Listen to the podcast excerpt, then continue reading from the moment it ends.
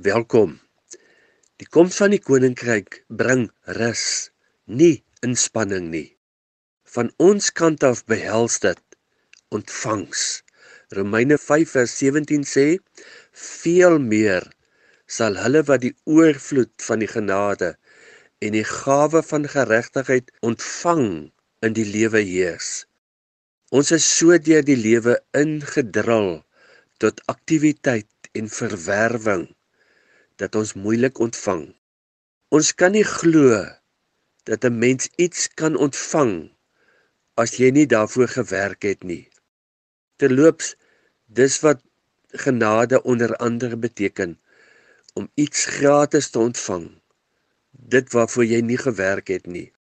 Laat ek dadelik byvoeg op hierdie aardse sigbare tydelike lewe as jy iets wil bereik, moet jy inspring en werk maar die koninkryk van die hemele gaan oor geestelike en goddelike lewe in die innerlike mens.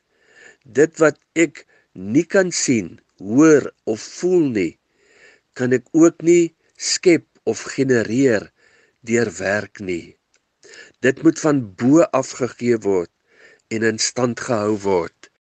Laat u koninkryk kom. Laat die stroom van u genadekrag en werking nog sterker in my bruis oor my in my en teen my teen my teen die dwaashede in my wat my vashou. Ontvangs van sy werking is bevrydend en het ook positiewe gevolge in my daaglikse aardse lewe.